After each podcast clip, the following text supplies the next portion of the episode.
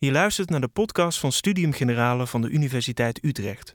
Met wetenschappelijke verhalen voor iedereen.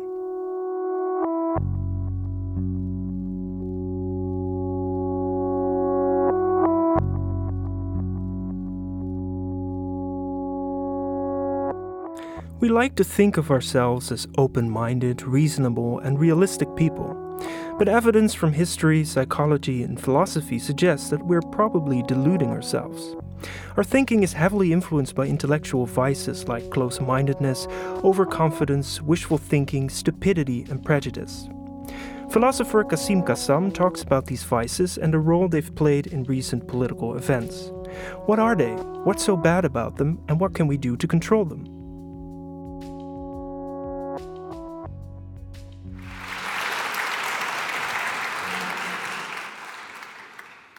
Right, so thank you for coming. Um, I realize it's a sunny day, and uh, it's quite uh, an honor that you've come to listen to me despite the sunshine. So I'm going to take you back to the evening of the 8th of November 2016.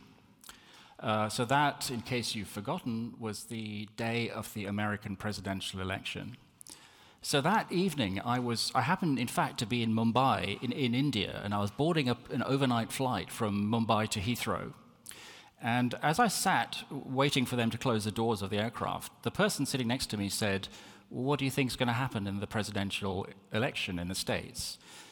Uh, and I said, Well, I mean, obviously Hillary Clinton is going to win, right? Uh, and this person said to me, Well, why do you think that? And I said, Well, surely, I mean, it would be insane if Trump won. I mean, surely that just can't possibly happen, right? I mean, surely not. Uh, and the person said, Well, you know, but there is this, I saw this uh, um, uh, think tank that has a very good record of predicting presidential elections, that's predicting a victory for Trump. And I was like, Well, you know, they're obviously wrong this time. Anyway, the doors closed and we took off from Mumbai. Uh, it's an eight hour flight to Heathrow. So, two hours before landing, uh, my curiosity really got the better of me. So, I actually asked one of the flight attendants if he knew what was happening in the election. And I figured out that by now, you know, it, it, w- the result would be, would be out or close to being out. So, he said, I'll find out for you. So he went to the flight deck, and about 10 minutes later, he reappeared and he said, I've asked the captain, and um, he tells me that Mr. Trump is winning. I, I, I couldn't, I just, I couldn't believe it. I mean, I thought that there must be some mistake here, right? I mean, some breakdown in communication. Um, anyway, the plane landed at Heathrow, the doors opened, I switched my phone on, and by then it was all over. Trump, of course, had won. Uh, so, uh, of course, I, I spent some time reflecting on how I could have been so wrong. And I mean, I wasn't alone, but certainly I was more interested in why I was so wrong than why anyone else was. And the conclusion I came to is that the, my, my error was really had been the result of wishful thinking. Okay, so wishful thinking is where um, your thinking is much more influenced by your desires or wishes than by the evidence. So, I mean, of course, in the Trump case, the evidence wasn't clear anyway, but, but it, it seemed to me in retrospect that the real, the real cause of my being so convinced that, that, that Clinton would win was that that was the result that I passionately wished for. Right? And because I wished for that result, I studiously sought out evidence of a Clinton victory whilst dismissing or ignoring evidence of a Trump victory. Okay, so that's how wishful thinking works. Now, of course, I mean, somebody might say, well, well, what's wrong with wishful thinking? Makes you feel better, doesn't it? Um, and of course, that's right. It does make you feel better. It certainly made me feel better on the plane as long as I thought that I was going to get the result that I wanted. I think the short answer to the question, what's wrong with wishful thinking, is that it basically prevents you from having any grasp on reality. If you want to know the answer to a question, if you want to know what's actually happening in the world, your best bet is to rely on the evidence. it's generally not going to be a good strategy to rely on your own wishes. Right? I mean, the only being in the universe whose wishes would be a good guide to the way things are would be God. Right? Uh, I mean, presumably, if God wants something to be the case, then it will be the case. Right? But for the rest of us, it isn't like that. Okay, now, that gives a, a, kind of simple answer to the question what's wrong with wishful thinking? What's wrong with it is that it prevents you from knowing how things are in the world. That's, the ba- that's, that's the basic idea. Now, wishful thinking is not something that I am unique in suffering from. I think all human beings are prone to wishful thinking at different times, and I'm sure you can all think of examples in your own lives where um, you've been influenced more by your desires than by the evidence.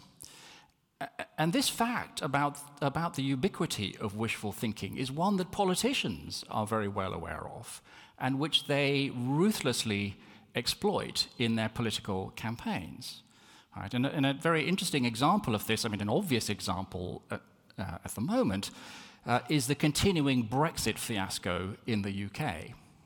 Right? I mean, if you, uh, I mean, the whole story of Brexit is a, it's a kind of, uh, it, it's, a, it's a case study in intellectual and other failings, right? It seems, seems to me. But one thing that is very clear is this. I think many members of the British public, and indeed many British politicians, would like to think, they would like to believe uh, that Britain will flourish outside the EU. That's what they would like to believe. They want, they want that to be true. They want it to be true that Britain would flourish outside the EU, even if there is, as they say, no deal. And this is the, uh, this is the, I think, the driving force in their conviction that Britain will flourish outside the EU. I mean, they're, they're, two completely separate issues, right? Do you wish it to be the case that Britain would flourish outside the EU? And is it the case that Britain will, flourish outside the EU? These are two completely different questions. Right? And, and I, it seems to be that what, go, what goes on in these debates is that, is that people are sold the idea that the way things are will be somehow in line with people's wishes.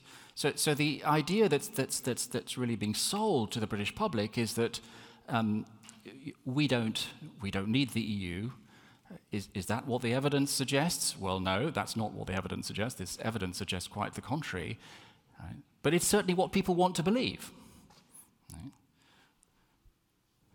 Okay, so that's, that's an example of how wishful thinking plays an important part in political discussions and in political, political debates. I think people often vote in ways that match their wishes or their desires rather than what the evidence su- su- uh, suggests. Okay, now wishful thinking is an example of um, an intellectual vice. Okay, so this is a piece of technical terminology which I'm going to introduce. Right? So, so, it's an example of what I'm going to call an intellectual vice or a vice of the mind. Now, in a, in, a, in a, little while, I'm going to give you a kind of general story about what vices of the mind are. But before we get to that, I just want to give you another example of one of these vices. And again, uh, we'll talk about the Brexit debate. So, supposing you really want it to be true that Britain doesn't need the EU, right? supposing you're one of these fanatical Brexiters who really, really wants that to be true. Yet, there's a lot of evidence there's a lot of evidence that goes against that view. There's a lot of evidence that Britain will, that, that, that, that, that Brexit will be economically damaging, possibly catastrophic for, uh, for, for, the British economy. So now you have a kind of conflict. You have a conflict between what you want to be the case and what the evidence suggests. Okay, so, so given this conflict, how, how do you get around that? As, as the wishful thinker, how do you get around the fact that the evidence doesn't support your own wishes? Okay, well, you're only able to get around that because you have a particularly dismissive attitude towards the evidence. Right? Your attitude towards what the experts say is, I don't really care what they say. Right, so there's a famous thing in the Brexit debate where a British politician said, the people of this country have had enough of experts. Right, that's just another way of saying the people of this country have had enough of the evidence. Right? Okay, so, so, I think a good word to describe this attitude um, towards, towards the evidence is uh, it's a French word, which is insouciance or insouciance.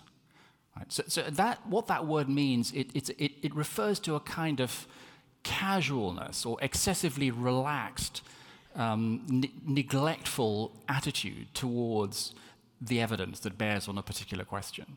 Right? So when you know economists say to you, look, there's all this evidence that suggests that, that you know, Brexit is going to be really, really bad for the British economy. Right? The, the insouciant thinker just says, well, don't bother me with that. Don't bother me with facts. Okay. Um, I mean, there was a, there was a, there was a wonderful tweet actually by some, some, somebody, uh, uh, presumably a Brexiter, who said, I don't know why economists and other academics are so obsessed with evidence and, and statistics and stuff like that. Right? Why are they so uh, Then the tweet ended, I, I, I, I will stick to my views. Right? I will stick to my views. Okay, so that's a classic example of this attitude of insouciance. Right, so, so, I don't want to get too technical about this, but I think a good way to describe insouciance is not giving a shit. Right? I mean, so that's the technical description of, of insouciance. It means you just don't give a shit, right? I mean, there are all these people who have degrees in PhDs and, you know, spend their whole lives studying these questions who are telling you that Brexit is going to be a catastrophe, right? Uh, if you were a rational thinker, you would think that this would be of some interest to you at least. And instead, your attitude is look, don't bother me with this. I'm going to stick to my views. Right? And that, I think, is, is, is a kind of attitude which is fundamental to political debate now. I mean, you get the same thing with you know, Trump on climate change, right? I mean, there's all this evidence that, you know, uh, of human causation in climate change. What, do you think Trump gives a shit about that? I mean, obviously he doesn't, right? I mean, his attitude is, I'm just going to stick to my view. Now, of course, in being critical of these attitudes, I'm making a kind of rather fundamental assumption.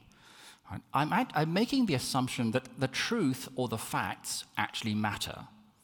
I'm making the assumption that the truth or the facts are these are things that we actually should want to know about. Right? And if you really care to know what the facts are, then it looks as though you shouldn't be insouciant. Right? It looks as though you shouldn't be a wishful thinker. It looks as though you should rely on um, expert evidence, for example. Okay, but supposing, I mean, supposing somebody were to say, well, but maybe people just don't want to know. Now, that, of course, that, of course, is a complete game changer. Right? Because if you don't want to know the truth, if you don't want to know what the facts are, then of course it's, it, it's, perfectly, it's perfectly okay right? that you should, uh, you should have this dismissive attitude towards evidence. It's, it's perfectly okay that you should um, uh, be a wishful thinker. Okay, so let me give you an example of this. Right? Supposing somebody asks me the question, um, do your colleagues like you? Right? I mean, I might think, I'm not sure I really want to know. Right? Well, why would I think I'm not sure I really want to know? Well, I might think that because I'm afraid of what the truth is. I'm afraid of the answer. Okay. Now, of course, if I'm afraid of the answer,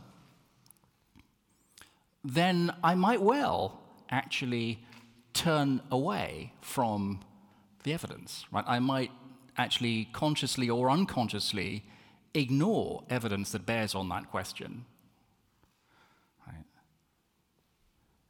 Okay, so this would be an example of what's sometimes called willful ignorance. Willful ignorance. Okay, so willful ignorance is where um, you basically don't know the truth because you don't want to know the truth. That's, that's willful ignorance. Okay, and if you ask the question, well, why would you not want to know the truth? Well, because the truth can be really inconvenient. Right? The truth can be really difficult. And as Jack Nicholson once said, you can't handle the truth. Right? And there are lots of truths like that that we, as human beings, find it very difficult to handle. Okay, I mean, reality can be a huge pain in the neck, right? I mean, there are things that, things that are the case in the world that one really, really, really wouldn't want to be the case, but they're just, they are the case. Right? And it's, it's, it, it's, it's certainly, a, uh, it seems to me, a very important kind of psychological mechanism of human beings to try and you know, screen out stuff that doesn't fit your, your pre-existing views, screen out um, inconvenient, inconvenient truths. Now, of course, if, you're, if, you, if you are that kind of person, if you really can't handle the truth, uh, then these uh, intellectual vices that I'm talking about won't, be, won't seem particularly problematic. Right? But I'm assuming that actually it is important to know what the truth is. I mean, so, so for the Brexit voter in the UK, it actually matters what the consequences will be. It actually matters what the causes of climate change are. It, well, perhaps matters what my colleagues think of me. Right? So, this, so as long as these questions matter, right, we shouldn't approach these in a way that is influenced by attitudes like insouciance or ways of thinking like, um, like, wishful, like wishful thinking. Okay, so I've said that wishful thinking is an intellectual vice, and I've given you another example of an intellectual vice, which is this attitude of uh, intellectual insouciance. Okay, so let me now just tell you what I mean by an intellectual vice. Okay, so it, I, I, don't know what the Dutch word is, but it, in English, the word vice derives from the Latin word vitium. Okay, so vitium basically means a defect or a failing. Okay, so that's the origin of the word vice, and the opposite of a vice is a virtue. Now, vices in the ordinary sense refer to all sorts of different things. Okay, so classically, vices in the ordinary sense refer to moral failings or moral defects. Okay, so, so you might think of dishonesty as a moral vice. Okay, you might think of cruelty as a moral vice. Okay, so that's one use of that's one reasonably familiar use of use of vice. There's another use of the word vice, which is also quite common. Again, I don't know if this is true in all languages, but in English, people often use the word vice to describe um, what you might call bad habits. Okay, so, so gambling is a vice, smoking is a vice. Right, so vices in that sense are, are, are, bad habits. And I mean, actually, even in the equestrian world, horses are said to have vices. Right? So equestrian vices are just bad habits that horses have. Right? So, so, so, so you've got these two uses of vice. So vices as moral failings and vices as bad habits.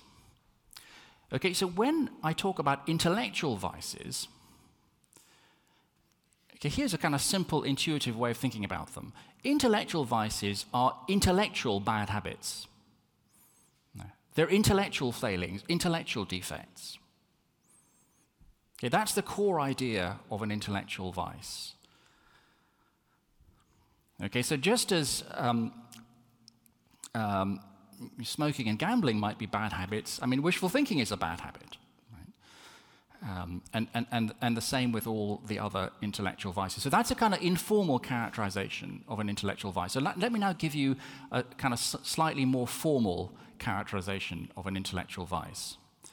Okay, so I, intellectual vices have kind of three basic features as I, as I understand them. Okay, so the first feature, which is a kind of obvious feature, is that intellectual vices are personal qualities. Right? They're qualities that people have. Um, right, so to, to, to, describe somebody as intellectually insouciant is to say something about them, right? To say something about them, about that person. A second feature of intellectual vices is that they're intellectual vices, right? So, so they, are, they, are, they are basically defects of the intellect. Right? They're defects of the intellect. Um, and the major effect of these intellectual defects is that they make it much harder for us to understand the world that we live in. They make it much harder for us to know about the world that we live in. Okay, so, so these vices are obstacles to knowledge. Okay, so if I was interested in knowing the answer to the question, who, who, who won the American presidential election, if I was interested in knowing the answer to that question, then wishful thinking is, a, is an intellectual vice because it makes it harder for me to know the answer. If I want to know the answer to the question, will Brexit be good or bad for the British economy? This attitude of insouciance or casualness towards the evidence, I mean, that's a vice in the sense that, well, that's going to make it harder for me to know the answer to that question. Okay, so here's a kind of general formula, a general way of thinking about these intellectual vices. Intellectual vices are personal qualities that, that, that get, in the way of no, get in the way of knowledge. Right, there's a simple formula. Intellectual vices are personal qualities that get in the way of knowledge, or if you prefer, get in the way of understanding. They make it harder for us to get our minds around the way things are in the world. Okay, so let me now give you a long list of, of examples of um, intellectual uh, vices. Um, okay, so um, close mindedness, that seems to be an example of an intellectual vice. Intellectual arrogance, uh, wishful thinking, I've already mentioned. Um, overconfidence, underconfidence, uh, foolishness, prejudice, I mean, I could go on, right? So there are, lot, there are lots and lots of these, lots and lots of these intellectual vices. So let me just give you one, one more um, quick example of the impact of these, um, of these vices, the real world impact of these vices. And this is the story of the preparations in the US for the 2003 invasion of Iraq. I, I, I, mean, I'm not going to get into the question of whether the US was wrong, right or wrong to invade Iraq. I mean, it seems to me the answer is clearly wrong, but let's just set that aside and just, just think about this as a, as, a, as a kind of military problem.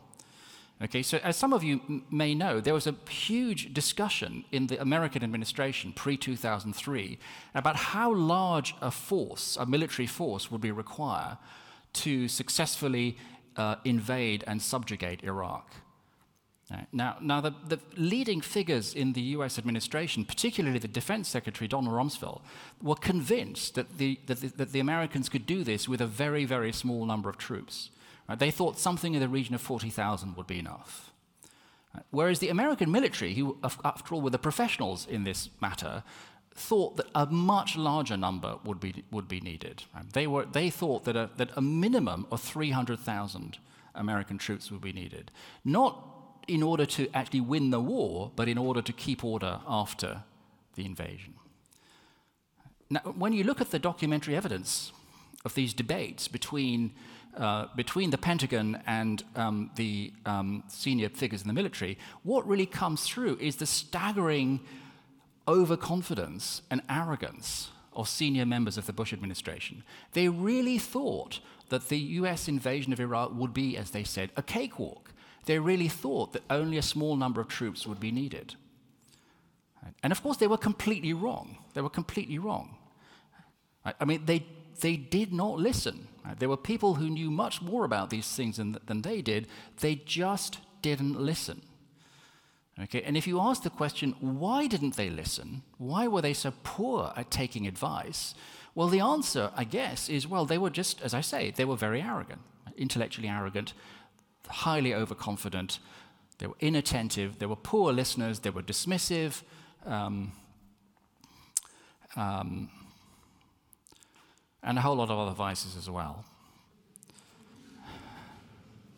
Okay, so, so there you have a kind of really concrete illustration of how a whole bunch of intellectual vices acted together to stop people like Rumsfeld knowing, stop them, to prevent them from knowing the answer to a very important question.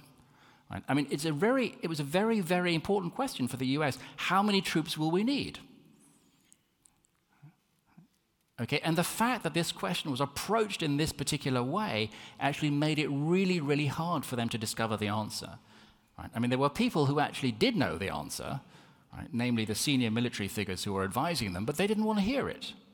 Okay, that's a classic example of an intellectual vice in operation, intellectual vices in action. Okay, so, uh, okay, so I've given you two features of intellectual vices. I've said that they're personal qualities, and I've said that they, um, they, they obstruct, they get in the way of knowledge or understanding. Right? These are the two features of vices. However, that's not going to be enough to characterize um, a vice. Okay, so take something like lack of intelligence, right? I mean, there's obviously lots of debates about the notion of intelligence, right? But supposing you think there's such a thing as having low intelligence. Well, if there is such a thing, then it looks as though that's going to be something that gets in the way of your ability to know and understand the world around you.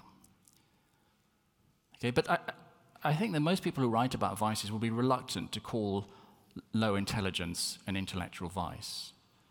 Right? So, so, so why is that? Okay, uh, well, the, the answer is really simple. When people talk about vices, they are usually making a kind of fundamental assumption that a vice is something for which a person can be blamed or criticized.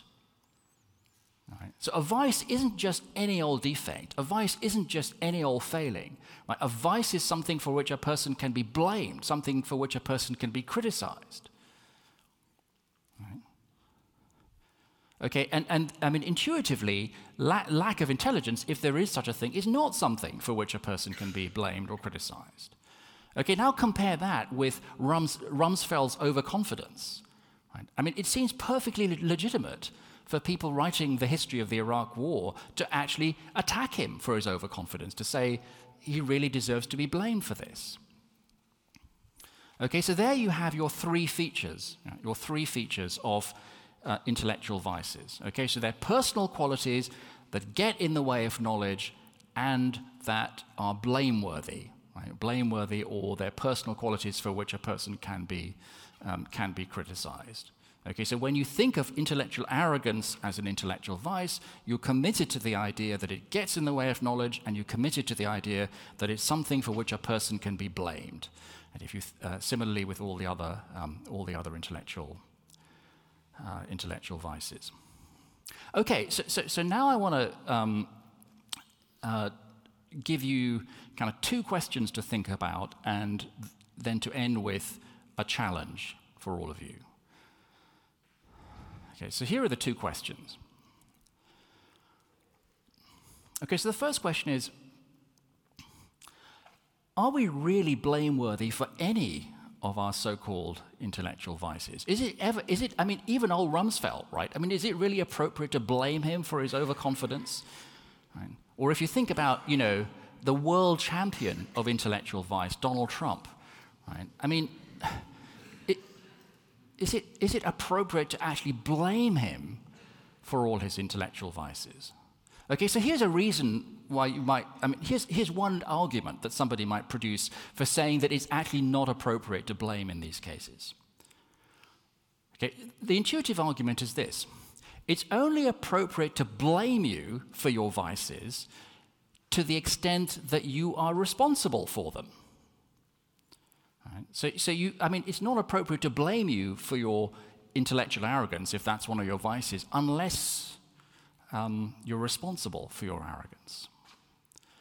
Okay, so what does it take to be responsible? Well, one kind of view that I think lots of people hold is that, well, you're only responsible for, your, for these things if you have control over them. Right? But what if you don't? Right? What if you lack control over your, over your intellectual vices? I mean, think about why it's not appropriate to uh, regard lack of intelligence as an intellectual vice. Right? I mean, the obvious explanation is that, well, you're not responsible for that. Why are you not responsible for that? Well, you're not responsible for that because you don't really have any control over it, right? let's suppose.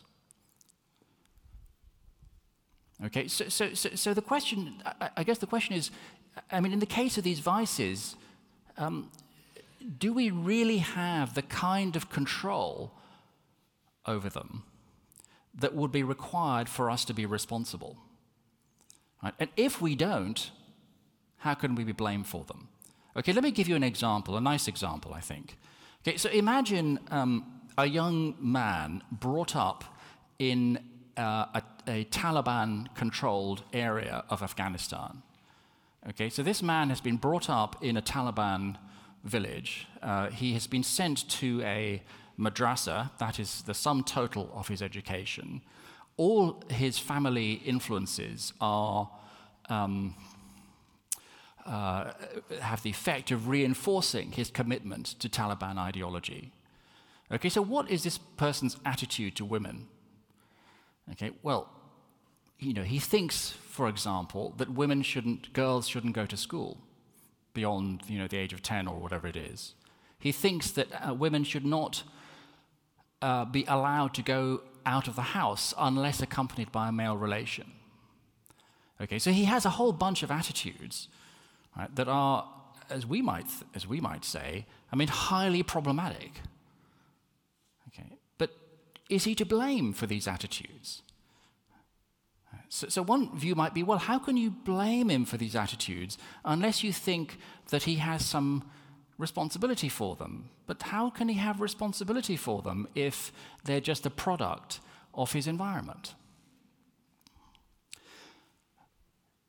So, that I think is a really fundamental challenge for talking about vices, right? So, the, the real question is to what extent do we actually have control over our intellectual vices or indeed intellectual virtues?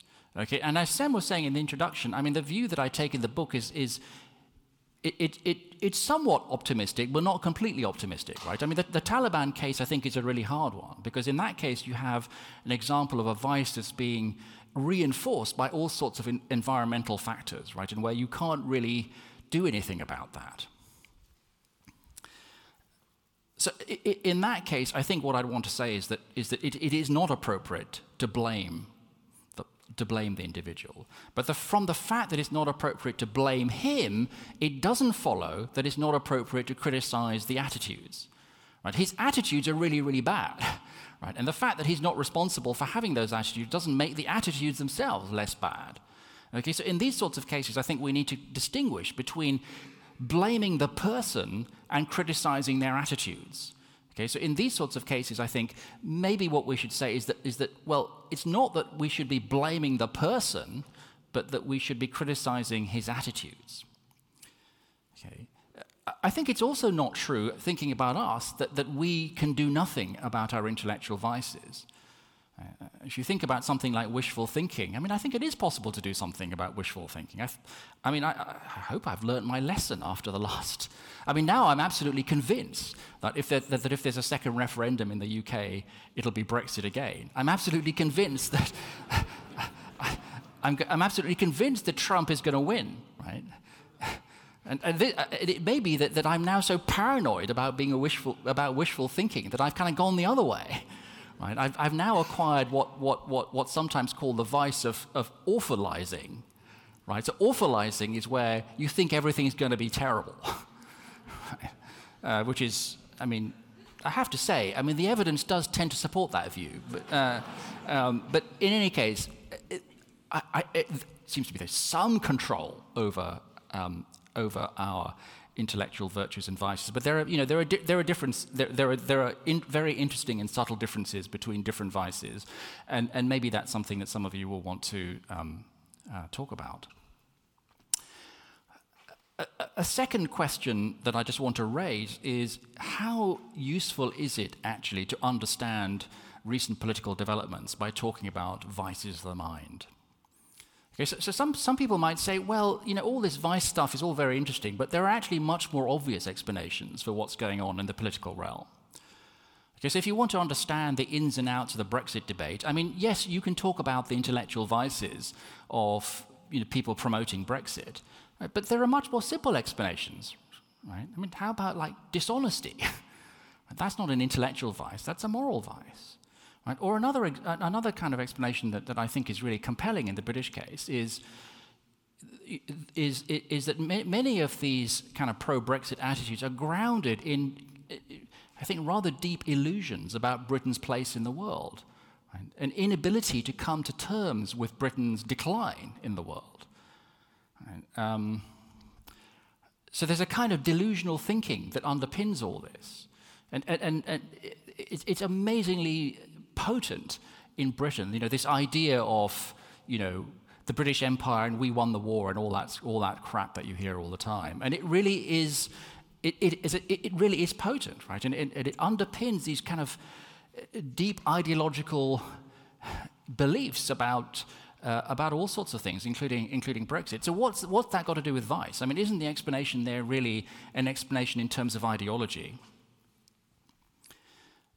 Well, I think these are interesting challenges, and I, and I, and I agree that actually that, that, that, you know, that moral vices like dishonesty actually do have a lot to do with what's, what, what's gone on. But if you're thinking about these so called ideological um, beliefs, of course, they themselves are grounded in intellectual vices, right? So if you think about the difficulty that people have in grasping that Britain's place in the world today is very different from the way it was 30 or 40 years ago. Uh, the explanation is, I think, partly in terms of these so-called vices of the mind.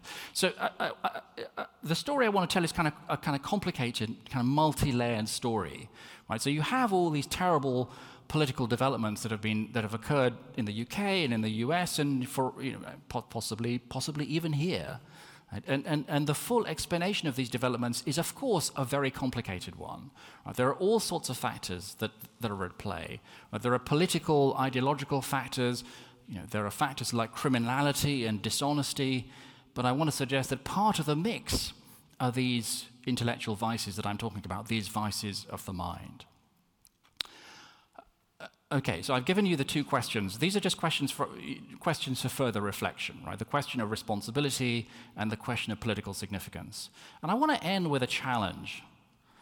Um, it's a kind of, it's kind of two-part challenge. Okay, so the first part of the challenge is this: just think about yourself. Think about yourself as as a thinker, as someone who you know, tries to navigate around the world and to know what the world is like, what would you say is your own worst intellectual vice? Right, what do you think is your own worst intellectual vice? And I hope the answer isn't, I don't have any, right? Because that would be a really, really big intellectual vice to believe, to believe that you don't have any. Okay, so, so the, fir- the first part is I mean, this is a really hard question to answer actually in your own case. What's your own worst intellectual vice? Right? And that leads me to, to the second part of the challenge, which is do you think that you are better at knowing the answer to that question than people who are other people who are close to you? I mean, do you, supposing, you, supposing that you have a partner in your life, do you think that you will have a greater insight into your own intellectual vices, or that they will have a greater insight into your own intellectual vices. And I'd like to suggest that actually it's probably the latter. And I, I think that we're actually really, really bad at knowing our own intellectual vices, partly because most of us find it really difficult to be honest with ourselves. Right? I mean, it, it, it's a really brutal exercise to really think about one's own intellectual defects. And actually, this is, this is one of these cases where if you really want to know, ask your best friend. um, ask your partner. Ask someone who knows, as we say, who knows you really well. They might deliver insights into your, into your failings that are um, um, more perceptive than any insights that you yourself might, uh, might deliver. But in any case, I think it's an interesting challenge. It's an, in, it's an interesting challenge. What do you yourself think is your worst intellectual vice. And if you think you have some intellectual vices, is there anything you can do about them? Can you do anything about them? Okay, are you optimistic about that or pessimistic? Do you think you're just stuck with them? There's just nothing you can do. You are, I am as I am, and I don't, you know, it's just too bad. Uh, or do you think you can, you know, do you think that your own intellectual character is something you can kind of work on? Can you make yourself better? Can you make yourself a better thinker? Can you make yourself a better knower? Now, I mean, as it happens, it's not all down to you as an individual. I mean, there are institutions that actually are supposed to help you with things like this. These institutions are called universities. right? and, uh, and it's rather sad that universities are among the institutions that are currently under attack in so many places, uh, so many places in Europe. Okay, well, I think that's, uh, that's it. I'll stop there.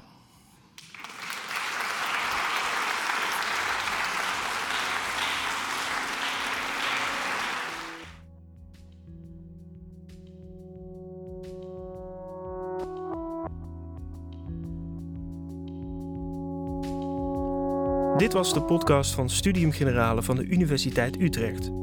Wil je meer lezingen luisteren? Check dan de playlist op Spotify en iTunes. Of ga naar onze website sg.uu.nl/podcast.